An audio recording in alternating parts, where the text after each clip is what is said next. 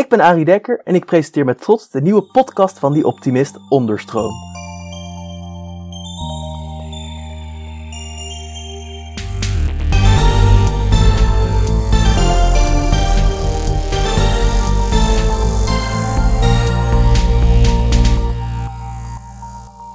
Hallo iedereen! Zoals altijd bieden wij om de week een podium aan mensen en ideeën die meer aandacht verdienen. Vandaag spreek ik ondernemer en doendenker Michael van Loenen. Samen met Bert van Inge begon hij Jubidoe.com. Met deze boekenwebsite willen ze laten zien hoe de toekomst van het ondernemen eruit gaat zien. Nou, hallo Michael. Hey, hallo. Ik vind het zo grappig, hè? Dus je hebt het echt op je website dus over het onbegrip dat wij als mensen geen balans kunnen creëren in de wereld, et cetera, et cetera. En dat jullie daar dus dan over zaten te brainstormen en tot toen omhoog kwam, weet je wat? De boekenmarkt, dat is waar de wereld gaat veranderen als het ware. Dat vind ik een interessante keuze. Hoe is dat zo eh, tot stand gekomen? Ja, nou ja, de boekenmarkt is uiteindelijk inderdaad een gevolg, een keuze geweest van een dieper onderliggend gevoel om toch echt te gaan bijdragen aan dat grote systeem. Waarvan, waarvan wij vinden en denken van hé, hey, dat, dat kan anders. Dus een aantal jaren geleden kwamen wij op een punt in ons leven dat we dachten van we zijn allebei ondernemer, maar we realiseerden ons ook dat de tijd op deze aarde ook eindig is. Dus de reis naar binnen, zoals dat zo mooi genoemd wordt, die begon eigenlijk voor ons allebei. Nou, voor Bert iets eerder, die is een stukje ouder als dat ik ben. En nou ja, vanuit dat perspectief en vanuit dat vraagstuk gingen we eigenlijk gewoon op zoek naar ja, op welke manier kunnen wij het beste bijdragen. En we hadden allebei een enorme fascinatie voor hoe de wereld in elkaar zit, hoe wij als mensheid allerlei systemen bedacht en gecreëerd hebben, die soms heel goed werken, maar soms ook absoluut niet. En ik denk dat we nu in een tijd leven waarin we zien dat bepaalde systemen niet meer werken, dat het op het einde van het latijn is. En dan vooral hebben we het over het economisch systeem. En ja, daar voelden wij gewoon van dat kan anders. Dus we hadden vooral een fascinatie voor de geldstromen, waarin we zien dat nou ja, de kapitalistische gedachte in de kern is denk ik best wel een goed idee. Maar als je ziet hoe we het nu uitvoeren, ik denk dat we nou, redelijk zijn doorgeslagen. En je ziet dat de, de geldstromen eigenlijk maar één doel dienen en dat is oneindige groei en oneindige winstmaximalisatie. En dat klopt niet, want iets kan niet oneindig maar blijven groeien. Uh, dus als je naar de natuurwetten kijkt, dan zie je ook dat dat eigenlijk zelden gebeurt. Dus wij hadden zoiets van, nou ja, als we daar iets van vinden, dan moeten we ook iets, er iets aan gaan doen. En toen kwamen wij inderdaad op het idee van, nee, als die geldstromen eigenlijk altijd maar één doel dienen en die geldstromen even, als ik het visualiseer, naar boven toe gaan, kunnen we ervoor zorgen dat er een geldstroom naar beneden gaat, naar de plekken waar het het hardst nodig is. Dus eigenlijk het herverdelen van de geldstromen. En nou ja, zo gezegd, zo gedaan. Daar is het begonnen. En toen zijn we op zoek gegaan van ja, maar hoe gaan we dat dan doen? Want het is natuurlijk allemaal, klinkt mooi, klinkt idealistisch. Mensen zeiden ook wel, eh, waar we al mee spraken, van uh, ja, het wordt tijd, hoe kan ik helpen? En toen wisten we wel van nou, dan moeten we volgens mij iets heel simpels creëren. Iets bestaans waar mensen makkelijk op kunnen aanhaken. En zo kwamen we uiteindelijk op de boekenmarkt uit. Nou ja, dus ik hoop dat dat een beetje de inleiding geeft, ook op jouw vraag van ja, hoe komen jullie bij de boekenmarkt uit? Dat is dus het vertrekpunt. En wij zagen wel in dat boeken natuurlijk een fantastisch mooi product is. We kwamen erachter dat er een wet op de boekprijs is. Dus ieder Nederlandstalig boek heeft dezelfde prijs. Dus wij dachten, nou ja, dat is een uh, hele mooie combinatie als je dat met ons idealisme combineert. Dus laten we gewoon boeken gaan verkopen. Daar worden mensen ook iets beter van. Als het een goed boek is natuurlijk. Maar ja, wat wij dus vanuit ons gedachtegoed doen, is dat wij die herverdeling laten plaatsvinden in de boekenmarkt. Dus iedere klant die bij ons een boek bestelt, daar gaat tot 12% van het aankoopbedrag naar een project van een goed doel dat onze klant kiest. Zoals gezegd, Nederlandse boeken hebben dezelfde prijs. De klant kiest en samen met onze klant herverdelen we die geldstromen naar projecten over de hele wereld. En hebben we inmiddels al meer dan 530.000 euro de goede kant op gestuurd, zeg maar. Ja, poeh, echt een hele prestatie inderdaad. Ik zag het op jullie website staan. En dan misschien nog even snel voor de iets minder economische Wiskit-luisteraar. Dus een geldstroom is eigenlijk vrijwel letterlijk: ik leg geld op de toonbank bij Albert Heijn. Dan gaat dat dus weer naar een soort van centraal punt. En dan blijft het maar doorgaan totdat het dus, in ieder geval, dat is de klassieke benadering, waar jullie dus nu iets tegen aan het doen zijn, eindigt dus bij de baas van Albert Heijn, als het ware. Uh, zo direct gaat het niet. Maar... Ja, nou, ik vond laatst het moment van Jeff Bezos dat hij de ruimte inging, vond ik wel een mooi exemplarisch voorbeeld. Waar hij letterlijk ook de klanten bedankte voor het feit dat zij dit betaald hebben. Dus als je het zo letterlijk bekijkt, inderdaad, ja, dus waar jij je boeken koopt, daar krijg je natuurlijk een mooi product voor terug. En dan begint de reis van de geldstroom. En ja, waar gaat die geldstroom naartoe? Wat dient het? Nou ja, in het geval als je bij Amazon een boekje koopt, dan dient het dus blijkbaar uiteindelijk Jeff Bezos die, eh, die raketten kan bouwen en de ruimte in kan gaan. Onder andere, want ze, ook, hè, ze creëren werkgelegenheid. Ik denk dat iedereen wel snapt van hoe dat mechanisme werkt. En bij ons is dat anders. Bij ons is de geldstroom, je krijgt er een boek voor terug en de geldstroom begint dan zijn werk te doen. En enerzijds is dat natuurlijk, ja, wij hebben ook mensen en personeel en die willen ook allemaal een salaris, en die hebben allemaal kinderen, we moeten allemaal brood op de plank. Maar wij, bij Ubidoo creëer je dus ook een mooi rimpeleffect de goede kant op. Dus dat geld gaat richting, ja, zoals ik al zei, projecten die onze klanten zelf kiezen. Ja, en ik vind het een mooi idee dat er dus dan tot 12% van een boek, nou ja, dat gaat dan opeens dus naar een goed doel. En daar speelt dus inderdaad die wet op de boekprijs een rol in. Maar toch vind ik dat nog steeds wel een beetje, ik zie daar niet helemaal de connectie hoe dat kan. Dat je gewoon zegt van, nou, dit boek, daar gaat gewoon een deel van naar een goed doel. Ik bedoel, als het zo makkelijk is, waarom wordt het niet al gedaan, als het ware? Ja, omdat het niet makkelijk is. Dus kijk, als ik het helemaal even heel plat sla, dat betekent dat wij dus gewoon genoegen nemen met minder. Dus de drang naar winstmaximalisatie zorgt natuurlijk ook altijd voor het maximaal creëren van aandeelhouderswaarde en dividenduitkeringen. Ja, dat hebben wij niet. Wij hebben geen heel groot pand. We hebben ook maar beperkt budget bijvoorbeeld voor, voor onze marketinguitingen. Dus daar zit ook vaak wel een pijnpunt. Dus genoegen met minder te nemen. Ik zeg altijd gekscherend, het goede doen snijdt op een of andere manier altijd wel in je businessmodel. Dus daar voelen we het ook wel. Alleen vanuit ons geloof van dat dit bijdraagt, nemen we gewoon genoegen met minder. En dat kan. Dat heeft te maken met andere keuzes maken. Misschien niet de ambitie hebben om inderdaad zo'n raket te bouwen en de, de ruimte in te gaan. Ja, weet je. Dus laten we dan toch maar een andere geloofsovertuiging zit daarop. En is het dan dus zo, want dat begrijpt natuurlijk inderdaad altijd uit hoe dat werkt. dus als het van de fabriek komt, is het een bepaalde prijs waarmee je het inkoopt. En dan verhoog je die prijs dus naar iets dat jij schappelijk vindt. Dus bijvoorbeeld dan bij boeken, ik weet niet precies hoeveel erbij komt, maar dat is nog best wel een vast bedrag. Dat heeft natuurlijk met die boekprijs te maken. En wat jullie dan dus doen, als ik het goed begrijp, is dat jullie zeggen, ja, je krijgt dan bijvoorbeeld, nou, ik zeg echt, niet hoeveel daar het normaal liter bovenop laat zeggen 40%. Maar dus normaal de verkoper zou zeggen, nou, die 40% die is helemaal van mij. En daar ga ik lekker van inderdaad naar de ruimte. Zeggen jullie dus, wij trekken er 12% af en de rest gaat ook nog ergens goed heen, als het ware. Als, toch? Zo zie moet ik het dan denk ik zien. Ja, zeker. Ja. Ja, wij, de donatie komt voort uit de, de marge die wij inderdaad krijgen van een boek. Dus waar normaal gesproken dat geld besteed wordt aan X, Y, Z voor een onderneming, zeggen wij van nou, dat gedeelte, dat zetten wij apart. En dat is wat we teruggeven aan de wereld. En onze klanten mogen kiezen waar het naartoe gaat. Ja. Hey, en dan heb ik wel meteen eigenlijk al een van de eerste vragen die bij mij opkwam. Ook al ben ik de optimist, moet ik toch kritisch blijven als het ware. Je hebt je dus boeken gekozen, maar boeken zijn eigenlijk ook niet per se helemaal. Zeg maar, geen schone lei als het ware. Ik bedoel, er moeten ook uh, bomen voor worden gekapt en dat soort ongein. Ik bedoel, uh, tegenwoordig is het nog best wel een beetje onder vuur, toch? nou ja, kijk, boeken is natuurlijk een van de mooiste, meest prachtige producten die we hebben. Die zorgen voor ontzettend veel bewustzijn, kennis, educatie. En ja, het heeft ook een effect, hè, want inderdaad, voor papier hebben we bomen nodig. Maar de meeste uitgeverijen werken inderdaad allemaal ook met gecertificeerd papier. Dus er zit altijd wel een afdruk op een product natuurlijk. Maar ik vind nog steeds dat boeken, nou ja, als je naar de geschiedenis van de mensheid kijkt en je kijkt naar de rol van een boek, en wat dat ook nu in deze fase nog kan betekenen voor mensen, denk ik dat het wel een van de mooiste producten is die er is. En we verkopen ook digitale boeken. Dus de e-books hebben we natuurlijk ook. Dus dat zie je ook dat dat natuurlijk gaat veranderen. Dus, dus dat is denk ik ja, wat ik erop kan antwoorden. Oh, maar dat je e-books hebt, of vind ik eigenlijk ook gewoon best wel weer dat je je klant de keuze geeft van hé, hey, als jij het toch liever niet zo doet, dan kan je dus ook gewoon een e-book bij jullie bestellen. Precies, ja, zeker.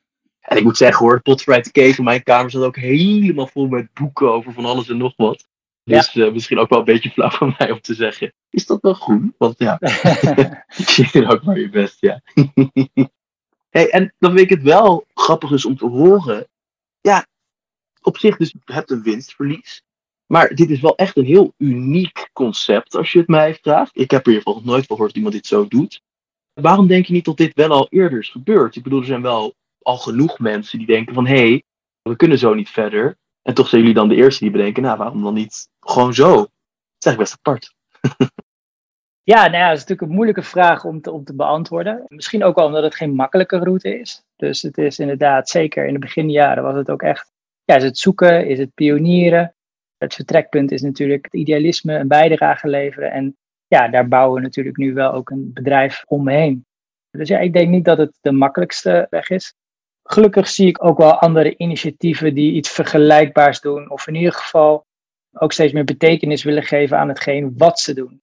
Dus dat je steeds meer ook combinaties ziet tussen bepaalde projecten, goede doelen, bedrijven. dus dat het net even in een andere vorm gaat. Maar het is, de, ik denk, de manier waarop wij het doen, zo concreet, transparant, tastbaar. Van hé, hey, je koopt iets en je mag zelf kiezen waar het naartoe gaat. Ik denk dat dat nog steeds wel uniek is. Alleen, ja, ik hoop uiteindelijk natuurlijk dat het minder uniek gaat worden. Want met Jubido alleen gaan we de wereld natuurlijk ook niet redden, even tussen aanhalingstekens. Dus ja, we hopen ook dat het inspireert dat andere bedrijven ook kijken van hey, op welke wijze zou ik dit misschien kunnen doen. Ja, ik wil het trouwens ook heel graag nog gaan hebben over dat commerciële. Maar ik wil nog even dan goed uitleggen wat Doobie-Doo doet. Want ik vind jullie website zelf ook heel leuk. Ik vind het heel cool dat jullie zoveel breder denken dan. Want dus op jullie website kan de koper ook zelf kiezen welk goed doel hij steunt, toch? Dat is ook een hele leuke insteek. Het is meestal, in Rotterdam zit een uh, tweedehands boekenwinkel. Daar kan je dan gewoon zes dingetjes aanvinken. En dat is, weet je wel. Dat zijn de goede doelen waar je aan kan geven. Daarna is het gewoon afgelopen toch wel jammer, maar jullie zeggen gewoon alles kan. Zelfs zelf, dus je mag zelf dingen aandragen, projecten mogen zelfs. Maar hoe kunnen jullie het zo breed houden? Is het niet ook vaak wel met een reden dat er zo'n voorselectietje wordt gemaakt voor je? Ja, zeker. Ook wij waren begonnen met, denk ik, maximaal tien goede doelen. Nou, dat waren de grote bekende namen die in Goede Doelenland bekend zijn, zeg maar. En ik kan me nog herinneren dat er toen twee zusjes, zussen bij ons uh, aanklopten met een heel klein goed doel. En vroegen aan ons van waarom nu weer deze tien grote goede doelen? Want ja, wij zijn een heel klein goed doel. Niemand kent ons, maar kijk eens wat wij doen. Wij doen ook goede dingen. En dat was voor mij zo'n eye-opener dat ik dacht van, hey, het is eigenlijk niet aan Jubidoe om te bepalen wat goed is. Want helaas hebben we uh, zoveel open wonden in de wereld, waar zoveel goede doelen en projecten voor nodig zijn om dat te ondersteunen. Dus ik heb zelf iets met Lesbos, met de vluchtelingen, daar ben ik anderhalf jaar geleden zelf geweest. En in Nepal een klein project. Maar iemand anders heeft gewoon iets met KWF kankerbestrijding, omdat het gewoon in de familie voorkomt. Dus het is heel verschillend. En wij hebben dat toen losgelaten. Dus we hebben gezegd, als ik kijk naar waar Jubido voor staat, is inderdaad het zorgen dat het geld op de juiste plek terechtkomt. Maar wat is juist? Dat laten we aan onze kopers. Dus toen hebben we het opengesteld. Dus toen zijn we gewoon, hebben gewoon gezegd van nou, hè, we gaan kijken welke goede doelen zich aandienen. Dat zijn er inmiddels wel een stuk of 500. Eh, dus het is heel divers. En toen hebben we het losgelaten. Natuurlijk, wij screenen de goede doelen. Als ze zich willen inschrijven, moeten ze aan bepaalde voorwaarden wel voldoen. Maar toen hebben we het losgelaten. En je ziet dat dat nou ja, voor mensen heel prettig is. Want ja, misschien heb je ook een specifiek domein waarvan je zegt van ja, dat vind ik belangrijk. Dus dat geeft een extra verbinding op het moment dat je dus je boek bestelt. Dat je dan ook nog even invloed hebt van hé, hey, maar wacht even, ik vind dit belangrijk en dan wil ik het aan zo'n soort project geven.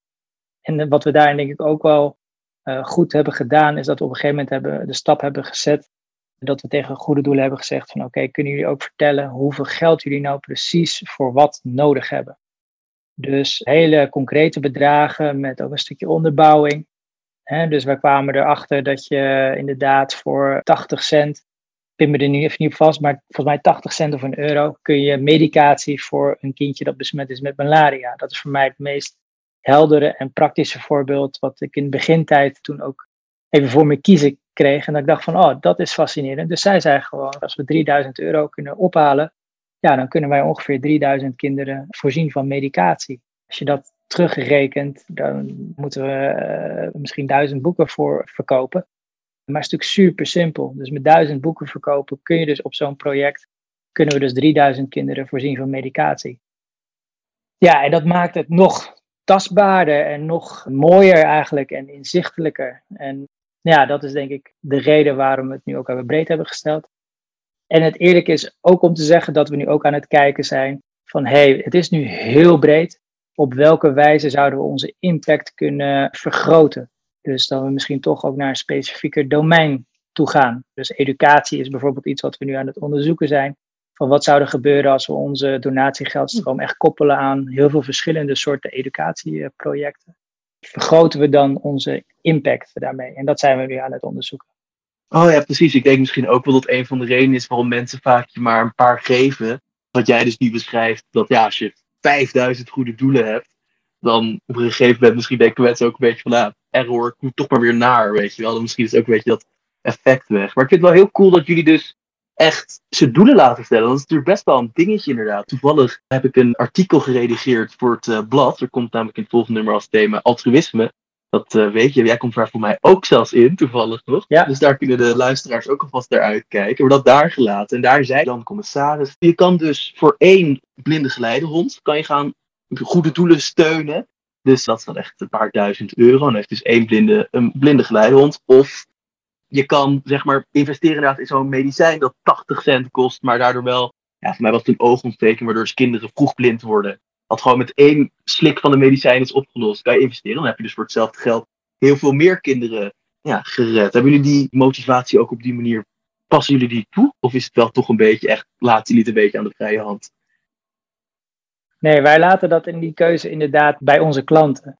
En dat is natuurlijk best wel een lastige keuze, omdat je een soort van het leed van de wereld op een weegschaal gaat leggen. Ik kan me, eh, kijk, jij en ik, wij kunnen ons niet voorstellen om blind te zijn of slecht zien. En wat de impact is van zo'n hulphond op een mensenleven, ja, dat kun je niet in geld uitdrukken. Dat, weet je? Dus ik denk dat we heel erg voorzichtig moeten zijn met het kwantificeren van leed. En ik vind dat ook inderdaad altijd een hele ingewikkelde om, om heel eerlijk te zijn.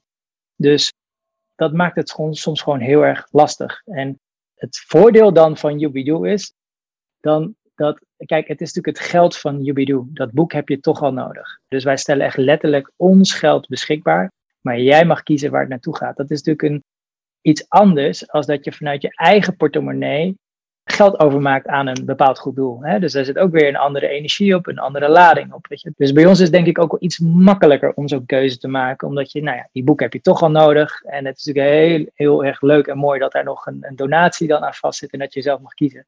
Dus dat maakt het denk ik hopelijk ook qua kiezen wat makkelijker. Maar ja, het is en blijft moeilijk om alles op die weegschaal neer te leggen, denk ik.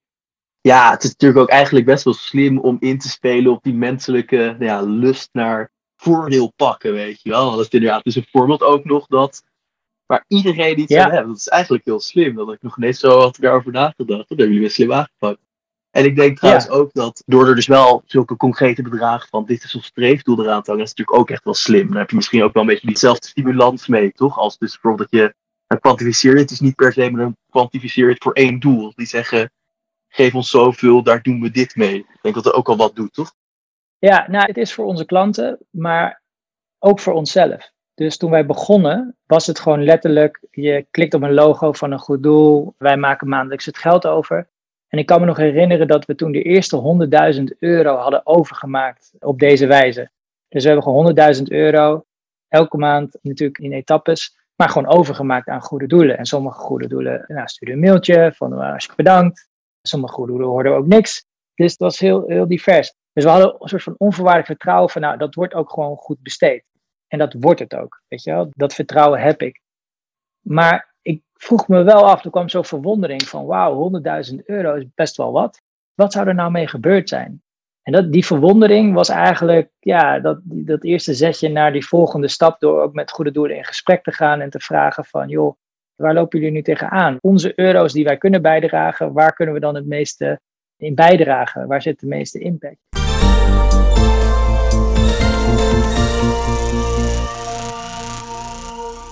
En toen zagen we dat vooral ook bij kleinere en middelgrote goede doelen, dat die heel goed in staat waren om dat door te vertalen naar projecten. En ze zeiden van nou ja, voor dit bedrag kunnen we dit, voor dat bedrag kunnen we dat. En dat was voor mij persoonlijk ook een missing link. Dus in het begin waren we alleen maar aan het zorgen van ja, die geldstroom zo groot mogelijk. En gewoon het geld overmaken. En nu in één keer zag ik ja, dat we voor 1500 euro drie kinderen, dat we daar een operatie voor hebben kunnen realiseren die geboren zijn met een hazenlip. Oh. dus dat kost 1500 euro. Ja, dat had ik zelf ook echt, dat kon ik me gewoon niet voorstellen. Maar nou, ik ben daar ook geweest in Indonesië op dat project. Als je ziet hoe kinderen die daar geboren worden met een hazenlip, hoe hun leven eruit ziet, ja, dat wens je echt niemand toe. Dat is echt een leven vol eenzaamheid. Dus dan zie je gewoon dat in één keer die 1500 euro, wat dan, nou, dan kwantificeren we het toch eigenlijk, hè, want dat, dat is dan het geldbedrag wat we nodig hebben. En daar kunnen we drie kinderen dus uh, voor geopereerd worden. Ja, dat maakte het voor mij ja, nog mooier om te doen wat we met Jubidu doen. Omdat in één keer die geldstroom ook heel tastbaar wordt. En ja, dat is ook de reden waarom ja, we vol enthousiasme natuurlijk doorgaan met Jubidu. Dat lijkt me ook echt wel heerlijk hier aan natuurlijk. Je doet echt gewoon puur iets voor een betere wereld. Je kan er niks anders aan hangen eigenlijk. Dat moet goed voelen, lijkt me. ja, zeker. Ja, ja, ja. En het is ook wel de aandacht, uh, en dat is, dat is ook het zoeken van balans, is de impact. En anderzijds is het natuurlijk ook van, ja, hoe realiseren we die impact? Ja, dat, we zijn ook gewoon een bedrijf natuurlijk. Hè? Dus dat is altijd die balans zoeken tussen je idealen versus hoe zorgen we ervoor dat die idealen ook gerealiseerd kunnen worden snap ik natuurlijk heel goed. Ja, een interessante balans. Nogmaals, daar ook straks over hebben nog een paar dingetjes. Ik vind namelijk nogmaals die goede doelen heel leuk. Bijvoorbeeld, jij bent dus denk ik best wel goed nou, bevoord in goede doelen. Dus bijvoorbeeld dat hazenlip in Indonesië klonk als een hele interessant. Maar heb je nou, je krijgt er nu heel veel op je plaat. Heb je nou een goed doel waarvan jij denkt, of dus een project in dit geval, iets heel concreet, wat jij nou echt het leukst vindt? En dan echt niet dat je zegt van daar moet je doneren, maar gewoon op een persoonlijk level waarvan je denkt, wauw, hier wist ik niks van en ik ben blij dat ik door Yubi doe nou, die heb kunnen ontmoeten, als het ware. Dat zijn verschillende projecten.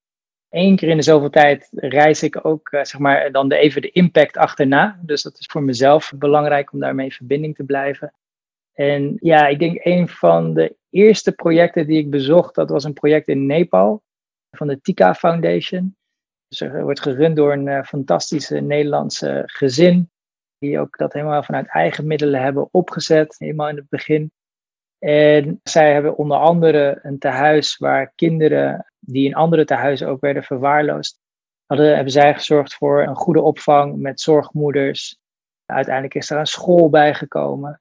En wat ik daar zag was ook hoe belangrijk educatie is voor kinderen. Dus daar werd ook verteld over de routes, zeker meisjes, van hoe een route voor een meisje eruit kan zien als ze niet naar school gaat versus als ze wel naar school gaat. En ja, dat was voor mij ook voor het eerst dat ik dat ook zo dichtbij gewoon ook echt zag. We weten het allemaal wel, maar ja, als je er staat en je ziet de kinderen en je ziet hoe ze goed verzorgd worden en dat er een programma is en dat er zo'n realisatiemomentje komt van ja, wacht even, voor deze kinderen betekent dus dat hun leven letterlijk een andere afslag heeft gekregen. En dat, ja, dat raakte me. Dat weet ik nog goed. Ik dacht van, wauw, weet je, dat gun je eigenlijk iedereen die geboren wordt hier op aarde. Je gunt iedereen gewoon een goede afslag natuurlijk. Alleen het confronterende is, dan ook als je inderdaad door Kathmandu loopt of de andere wijk en steden waar heel veel armoede is. Ja, daar zie je dus ook heel veel kinderen rondlopen waarvan je weet, ja, die hebben die afslag niet genomen. En daar geldt een ander leven voor. En dat is het schrijnende. Maar aan de andere kant ook het hoopgevende dat er dus ook mensen zijn zoals de familie die de Tika Foundation opzet. Zo zijn er heel veel mensen die echt met hele goede intenties dingen aan het doen zijn. Ja, dat we op deze wijze toch zorgen dat er dingen geheeld worden en dat we andere mensen kunnen ja, ondersteunen. Ik kan me ook voorstellen dat dat inspireert. Ik zal ook maar een linkje dan doen naar die Tika Foundation specifiek, zodat mensen die even ook zelf kunnen bekijken. Maar ja, dus nogmaals, er komt veel meer tegen. Ik denk dat de luisteraar echt even zelf moet kijken. Ik zag mezelf ook echt al een paar tussen. van, oh, nou, het ziet er echt heel leuk uit. En inderdaad, misschien dan wel slim om het iets specifieker te doen. Misschien wordt het dan een tijdje wel heel veel. Maar laten we dan nu eindelijk de overstap maken naar het echte ondernemen. Waar denk ik ook veel luisteraars al zitten op te wachten. Want dat is heel cool hoe jullie dat hebben aangepakt eigenlijk. Ik uh, las op jullie website. Uh, dit is een quoteje, die quote ik dan ook maar gewoon even. Do gelooft in een commerciële benadering, maar heeft een non-profit hart. Nou, dat Vind ik heel mooi gezegd. En dat speelt dus denk ik in op dat jullie dus meer de wereld willen steunen dan jezelf, toch? Zoals je ook al een beetje liet doorsluiten. Ja, precies. Ons vertrekpunt, ons hart is één op één verbonden met, noem het, het idealisme. Dus waarom Jubidoo op aarde is. Maar bij de oprichting realiseerden, vroegen we onszelf ook wel af van ja, oké, maar hoe gaan we dat dan doen? Dus de eerste neiging was inderdaad, nou laten we een stichting beginnen, dan gaan we geld ophalen, gaan fondsen werven, of dus gaan we het zo doen. En toen keken Bert en ik elkaar aan en zeiden van ja, maar wacht even, ja, we zijn allebei ook ondernemers. Er komt een tijd dat ook wij oud, rimpelig, met pensioen gaan en zelfs een keertje deze aarde gaan verlaten. Wat moet Jubidoo dan nog doen? Hoe staat het er dan voor? En, en hoe gaat het zich dan onderhouden als wij er niet meer zijn?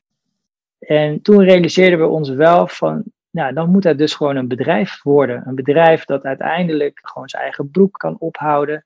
Uiteindelijk kozen we natuurlijk voor de boekenmarkt. Daar gingen we boeken verkopen. Dus daar zitten ook zakelijke transacties natuurlijk. Dus wij wisten gewoon van, oké, het wordt dus ook echt een onderneming. En ja, bij een onderneming, dan moet ook uiteindelijk natuurlijk, daar zitten ook allerlei commerciële aspecten zitten daar aan vast. Dus we hebben heel bewust gekozen voor een zakelijke benadering voor Jubidoo. En wat denk ik leuk is om te vertellen, is dat wij zijn dus gewoon begonnen als een BV. Er was nog geen entiteit. De sociale BV eh, zit er aan te komen, hoor ik in de wandelgangen. In Amerika en in Engeland is er al een aparte juridische entiteit voor. In Nederland nog niet. Dus wij zijn gewoon begonnen als een BV. Alleen ik denk ergens een jaar of vijf geleden nou, maakte met Jubidoo een eh, behoorlijke groei en bloei door. En toen realiseerden we ons van, hé, hey, de vorm klopt niet meer. Want Bert en ik, we hebben allebei aandelen. Die worden dan blijkbaar meer waard. Maar ja, wat moeten wij met die aandelen? dat, dat, ja, dat is helemaal niet waar, waarom we begonnen zijn. Dus daar moeten we eigenlijk een soort van vanaf, weet je. Dat we willen, eh, de, de, de past een andere vorm. En toen kwamen we in contact met onder andere Bartjan Krauwel. Dat is een van de oude-oprichters van de Triodos Bank. En die zei van, joh, ja, met jullie idealisme en wat jullie willen doen en jullie community. En ja, wat gewoon heel goed past is een coöperatieve vorm. Hebben jullie daar al eens naar gekeken? En dat was voor ons nieuw. Maar vonden we wel interessant. En vervolgens zijn we op pad gegaan en kwamen onder andere bij uh, Koos Bakker uit van uh, Odin. Dat zijn de biologische winkels, de oud-estafette winkels. Een hele grote organisatie die al twintig jaar volgens mij, even uit mijn hoofd, aan het werken was aan een heel mooi coöperatief model.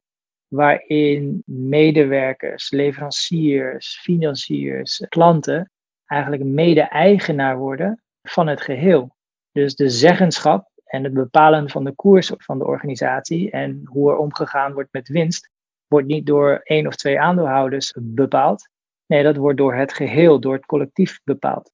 Dus daarmee haal je ja, het rendementsdenken eruit. Dus veel meer voor lange termijn, over de toekomst. Een bepaalde borging natuurlijk van het idealisme. Dus wij hebben nu ook de transformatie gemaakt naar een coöperatie. Dus Jubidoo is ook een coöperatie geworden, waar we de aandelen in beheren. En waar we nu ja, de coöperatie gaan starten. Dus wij zijn nu bezig met het werven van onze eerste leden. Dus onze klanten kunnen lid gaan worden, medewerkers, financiers. Om zo eigenlijk het eigendom van Jubidoo niet bij mij en bij Bert te laten. Maar echt over te dragen aan de coöperatie. En nou, ook op vertrouwen. Ja, dat dan de collectieve wijsheid gaat regeren, zeg maar. En dat sluit wel, denk ik, mooi aan bij wat Bert en ik tegen elkaar zeiden toen we Jubidoo oprichten. En dat waren we misschien onderweg ook eventjes vergeten. Maar we zeiden van ja, we zien onszelf niet als eigenaar van Jubidoo, maar we zien onszelf als beheerders. En dat is denk ik een heel groot verschil. En dat is ook de reden waarom we uiteindelijk die stap naar die coöperatie hebben gemaakt. Ja, precies. Dus jullie zijn de fans en niet de, voetballers die het geld binnenhalen, als het ware. Of die de beste vergelijking waren. En eigenlijk stonden jullie alweer half met een been in het veld. Toen waren jullie dus van, ho, ho, ho, ho, dit was niet, dit was niet wat we wouden, ja. Hey, en dan ja. even coöperatie, misschien goed om dat ook nog even een beetje uit te leggen. Ook dat is denk ik niet per se bij iedereen bekend. Want dus een coöperatie betekent eigenlijk dat dus, nou in jullie geval dan toevallig dus leveranciers, klanten, financiers, ga zo maar door, eigenlijk een soort mede-eigenaar worden. Ja. Maar hoe gaat dat dan in zijn werk? Kunnen ze zijn ook aan een boardmeeting of is het iets minder abstract dan dat? nee, dat is het precies. Dus uh, onze coöperatie heeft een ledenraad. En daar zitten een aantal zetels in. En die zetels hebben wij verdeeld over klanten, financiers, medewerkers. En we hebben zelfs de aarde letterlijk stemrecht gegeven. Dus er zijn twee mensen in onze ledenraad die namens de aarde meekijken naar ja, wat gebeurt er, welke keuzes moeten er gemaakt worden. Dus we hebben letterlijk in onze statuten opgenomen dat de aarde heeft stemrecht. Dus dat zijn inderdaad zetels. Ja, en voor ons is het ook nieuw natuurlijk, ook super spannend. Maar waarschijnlijk gaan we één, twee keer per jaar, misschien zelfs vaker, komen bij elkaar met de ledenraad. En daar worden ja, de belangrijke keuzes op tafel gelegd. En vanuit iedere groep wordt er eigenlijk gekeken van, ja, wat is wijsheid? Welke kant moeten we opgaan? Welke keuzes moeten we maken? Het is eigenlijk heel oud. Dus hè, het klinkt misschien vernieuwend, maar coöperaties bestaan. Hè, we kennen alle boerencoöperaties natuurlijk. Alleen ik denk dat we een beetje van de kern eh, van het coöperatief denken ook weer een beetje verwijderd zijn. En ik denk dat we, we hopen ook door nou ja, deze stap met Jubilee te zetten om te laten zien van hé, hey, op deze wijze kun je dus heel holistisch naar een geheel kijken. En ja, zorgen dat het ook toekomstbestendig is en blijft. Maar is dat niet een beetje gevaarlijk? Is er niet dan toch weer een kans dat er genoeg leden, want het is dus een soort, bijna een beetje een soort uh, club. We zijn het clubje van Yubidu als het ware, met dus als de aarde fysiek gerepresenteerd. Kan het dan niet toch weer die, die financiële, ja, naardere kant insluipen? Zijn jullie daar niet bang voor? Nee, nee, dat hebben we denk ik goed geregeld, bijvoorbeeld in onze statuten. Dus nou ja, als daar heel veel geld bijvoorbeeld in omgaat, ik bedoel, ja, je hoeft maar naar de geschiedenis te kijken, is dat als er heel veel geld en macht ergens is, dan levert dat meestal gedoe op. Maar wij hebben bijvoorbeeld in onze statuten opgenomen dat al het geld en winst dat gegenereerd wordt in de coöperatie, dat dat alleen besteed kan worden aan de ideële doelen die ook in de statuten zijn geformuleerd. Dus het kan nooit zijn dat mensen zeggen van ja, maar wacht even, ik wil toch dividend of ik wil toch geld toe-eigenen. Dat gaat niet. En je hebt ook altijd de anderen nodig om dat te veranderen. En het is ook een stuk loslaten. Het is ook vertrouwen dat, nou ja, volgens mij hebben we de basis gewoon heel goed neergezet. Ik denk dat het ook een zelflerend iets is. En ook vertrouwen dat die collectieve wijsheid gewoon ook de juiste keuzes met elkaar maken. Ja, misschien ook wel gewoon mooi als je dan een coöperatie begint, dat je niet zo gaat zitten van, ah, misschien is de coöperatie te vertrouwen. Dat is ook het einde zoek misschien. Precies. Maar aan de andere kant, je moet, je moet dingen wel gewoon ook voordenken. Hè? Dus je moet wel ook nadenken van, oké, welke routes kan het nemen? Maar we hebben inmiddels ook geleerd, we kunnen het ook niet in beton gieten, want dan kan het geen kant op. Dus dan haal je inderdaad die coöperatieve energie en gedachten haal je er dan ook uit. Ja, dat willen we niet. Nou, echt heel cool. Ik vind het, als ik het zo hoor, klinkt het als een goed idee.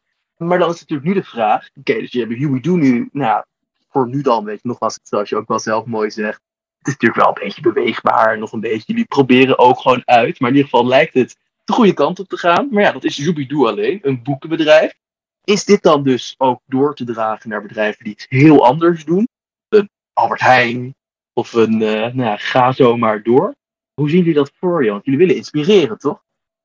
Ja, zeker. Ja, dat, het kan zeker. Het is keuzes maken. Hè? Dus wij zijn ook wel eens benaderd. Dat was volgens mij in het begin ook een, een schoonmaakbedrijf. Die zei van joh, voor ieder uur schoonmaken ga ik zoveel procent reserveren voor verschillende soorten projecten. En ik laat mijn klanten kiezen waar het naartoe gaat. Dus die vroeg van ja, hoe, hoe hebben jullie dat gedaan?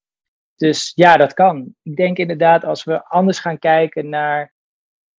En dit, dit vraagt denk ik wel even een soort van een reuzensprong in denken. Is wat als we op een andere manier naar bedrijven gaan kijken? Dus we zijn heel erg gewend om nu naar bedrijven te kijken.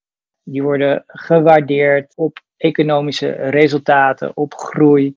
Wat als we bedrijven op een andere plek in de keten gaan zetten van ons intermenselijk systeem? Dus dat het het vertrekpunt heeft om gewoon bij te dragen. Dus dat betekent dat ze echt letterlijk een andere plek in gaan nemen. En ik denk dat dat is wat nodig is. En wij hebben deze vorm gekozen. En het zou fantastisch zijn als andere bedrijven ook daarin volgen. Maar het kan ook op heel veel andere manieren, denk ik. Maar het gaat er wel om dat. Ik was een, uh, twee jaar geleden bij een mooie conferentie waar. Ik ben even zijn naam vergeten, maar het was een Nobelprijswinnaar. En die wees met een vingertje wel in de zaal waar heel veel grote bedrijven zaten. En die zei van, joh, binnen nu en 50 jaar zit het grootste gedeelte van deze bedrijven uh, bestaan niet meer. Tenzij ze hun sociaal-moreel kompas weer weten te hervinden of te herijken. En ik denk dat dat wel is waar, waar, in de tijd waarin we nu in leven, is dat we steeds meer de urgentie voelen van ja, het moet anders. En er, er is haast. Hè? Dus, de, dus dat voel ik zelf. Ik voel zelf een bepaalde urgentie. Ik ben ook vader, dat ik echt, echt, me echt zorgen maak. Dat ik denk van, hoe gaat die volgende generatie, wat gaan zij ervaren? En ik denk wel dat bedrijven een hele belangrijke rol spelen in die transitie. Dus de geldstromen worden over het algemeen volledig gewoon voor groot gedeelte beheerst door bedrijven. De innovatie komt vaak vanuit bedrijven. Alleen het is met welke intentie en motivatie zet je het in? Is het inderdaad het creëren van die onzichtbare maximale aandeelhouderswaarde? Of gaan we die input en output koppelen aan nou, echt bijdragen aan het verbeteren en mooier maken en oplossen van onze wereldproblematiek? Ja, ik ben het er ook mee eens. Ik voel die urgentie inderdaad ook. Ik denk veel van mijn generatie wel, maar ja, het blijft toch wel zo. Ik bedoel, er zijn mensen die letterlijk ontkennen dat de klimaatverandering gebeurt. Dat dit gewoon allemaal heel normaal en logisch is. En nog veel meer van dat soort dingen. En natuurlijk ook geldtekens in de ogen is nooit goed, zoals je ook al zei. Maar ja, die zijn er op het moment nog wel. Ik bedoel, een bedrijf als Shell bestaat ook nog steeds. Uh, waar ik me dan soms toch een beetje over verbaas. Niet dat het nog bestaat, meer tot een bedrijf dat letterlijk als doel heeft ja, de wereld vernietigen. Dus aanhalingstekens er een beetje politiek getint dit. Zijn er denk ik niet tegenliggers? Ik bedoel, ja, het is natuurlijk wel een beetje kapitalisme. Wat was het uh, dat Gecko zei in Wall Street? Greed is good. Ja. je, die vibe hangt er nog steeds wel een beetje, toch? Ja, natuurlijk. natuurlijk. En kijk, alles heeft tijd nodig. He, dus het is ook een illusie om te denken dat we ergens een schakelaar om kunnen zetten en dat we in één keer in de volgende fase zitten. En dat is Charles Eisenstein misschien bekend. Die had wel een inspirerend verhaal en stuk. En dat bracht het voor mij ook in perspectief. Hè? Want het, je kunt er soms ook moedeloos van worden. Hè? Dus dat je aan de ene kant ben je je best aan het doen, samen met heel veel anderen. Aan de andere kant zie je mensen die niet hun best doen en ontkennen bijvoorbeeld. Maar toen Charles Eisenstein zei op een gegeven moment, als je kijkt naar waar wij als mensheid staan op de tijdslijn van de aarde, dan, en je zet dat in 24 uur, dan zijn wij als mensheid hier, geloof ik, net één minuut op aarde. Dus we zijn er ook maar pas net. En de fase waar we nu in zitten als mensheid, zie dat als een kinderfase. Dus we hebben net geleerd hoe we overleven. We hebben net geleerd hoe al die resources als een snoeptrommel op deze aarde aanwezig zijn om daarmee om te gaan.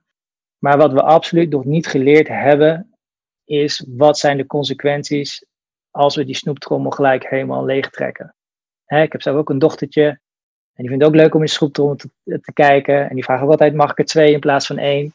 En wat nodig is, is die transitie eigenlijk naar, noem het dan een volwassenheidsfase. En dat vraagt volgens mij om een andere manier kijken, op een andere manier leven, op een andere manier omgaan met ons bewustzijn. Dus dat gaf me ook wel een soort van hoop, dat ik dacht van, oh ja, wacht even.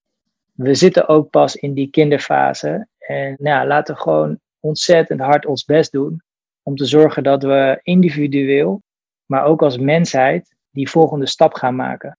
Want dat is wat nodig is. Ik denk als we alleen die sprong gaan maken naar een ander soort bewustzijn, dat we ook anders kunnen kijken hoe we met onszelf omgaan, hoe we met onze naasten omgaan, maar zeker ook hoe gaan we met de natuur om. En hoop ik dat we gaan inzien, ja, het is gewoon één groot systeem. Hè? Wij mensen, wij zijn onderdeel van dit hele, hele grote systeem van de aarde, op de aarde. En ja, daar hebben we nog veel te leren. Ik vind het een mooie vergelijking is of we gewoon peuters zijn. Ja, ja peuters zijn ook heel destructief en die gooien ook soms iets om. Maar toch lijkt het vaak wel goed te gaan, uiteindelijk. Ja, ja, omdat ze ook af en toe ouders zijn, die corrigeren natuurlijk. nou, jullie zijn een beetje die ouder bijna dan. toch de ouders kijk. ja, we het gewoon begeleiden noemen. Dat, dat is misschien wat moeilijk. Ja. Maar ja, ik denk dat dat wel nodig is. Ja. Ja, en hebben jullie dan nog, als ik denk dat dit een mooie afsluiter is, enig idee misschien, als jullie zo iemand zouden tegenkomen, zeg maar letterlijk, er staat even, ik zie dit voor je als een persoon, maar het is natuurlijk veel groter dan dat, een man voor je te gillen van climate change is fake, ik wil geld verdienen, uh, Shell is geweldig, uh, niks tegen Shell overigens hoor, blijf je maar de hele tijd uh, neerduwen, maar is gewoon een makkelijk voorbeeld. Hoe zou jij daar dan tegen reageren als het ware? Wat, hoe zou je deze overhalen, als dat al moet? Ja, als het al moet. ik heb steeds meer geleerd dat tegen zijn niet werkt. Dus als dat de overtuiging is van deze persoon, dan kom je heel snel in argumenten en dan gaan we met elkaar naar het hoofd. En dan ga ik argumenten noemen waarom hij het verkeerd heeft en hij waarom ik het verkeerd heb. Nee, dus dat zou ik echt zonde vinden van mijn energie. Ik zou denk ik eerder de vraag stellen waar we misschien wel een soort van common ground hebben. En vanuit daar verder kijken van hey, welk gesprek kunnen we dan wel voeren. En dan inderdaad ja, wel focussen en energie geven ook aan de mensen die nieuwsgierig zijn en openstaan. Of de mensen die twijfelen. Ik denk dat ja, als we die mensen ook kunnen bereiken, dat dat sneller een positief effect heeft dan iedereen maar per se overtuigen van een bepaald gelijk. Klinkt goed. En dan dus met Yubidu als het voorbeeld en dan die 12% als inspiratie als het ware, toch? Ja, zeker. Nou ja, eigenlijk een heel simpel voorbeeld. Dus wat we inderdaad gedaan hebben is, als je ook wat we net allemaal besproken hebben, het is allemaal complex genoeg. Dus nou, wij hebben het dus heel simpel gemaakt. Koop een boek. Je betaalt hetzelfde voor een Nederlands boek. Je hebt hem ook even snel in huis. Ja, je kiest een mooi project en je hebt met je boeken aankoop ja, iemand geholpen. Nou, prachtig. Heel erg bedankt. Ik vind het een mooi initiatief. Ik hoop dat meer mensen geïnspireerd zullen raken. En uh, ja, laat ons vooral weten via dailies en dat soort dingen. Die schrijven wij dan natuurlijk uh, hoe het gaat. Ga ik zeker doen. Dankjewel. Nou, ik weet waar ik de rest van mijn boekencollectie ga aanschaffen. Hoe gaan bedrijfsvoering en een duurzamere wereld volgens jou samen? Laat ons weten via redactie.theoptimist.nl of via de reacties onder ons websitebericht. Wie weet zetten we je dan in het zonnetje in ons luisteraarsegment Luisteraar in Beeld.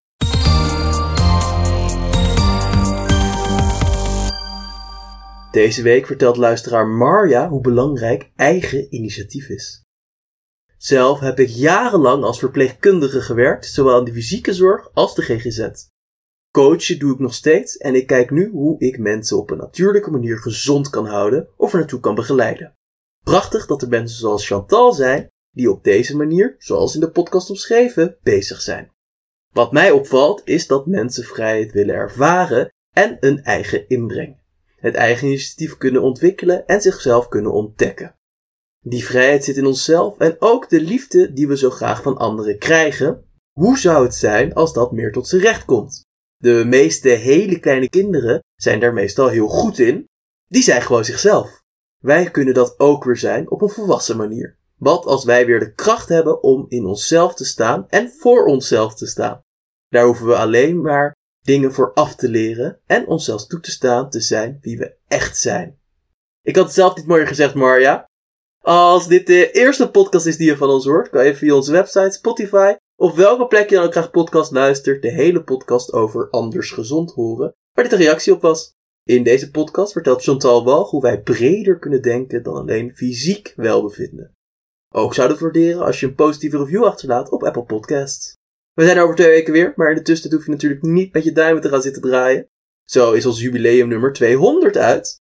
In dit extra dikke nummer laten we jou aan het woord. Uit de inzendingen van onze beste Top Schrijf Challenge koos onze professionele jury, bestaande uit Jolanda Eigenstein, Katelijne Esser, Gijs de Zwarte en Jan Terlouw, hun favorieten uit. Om jou te inspireren en motiveren tot een positieve levenshouding. Als laatste wil ik nog Anouk Wolf en Helene de Groot bedanken voor het mogelijk maken van deze podcast.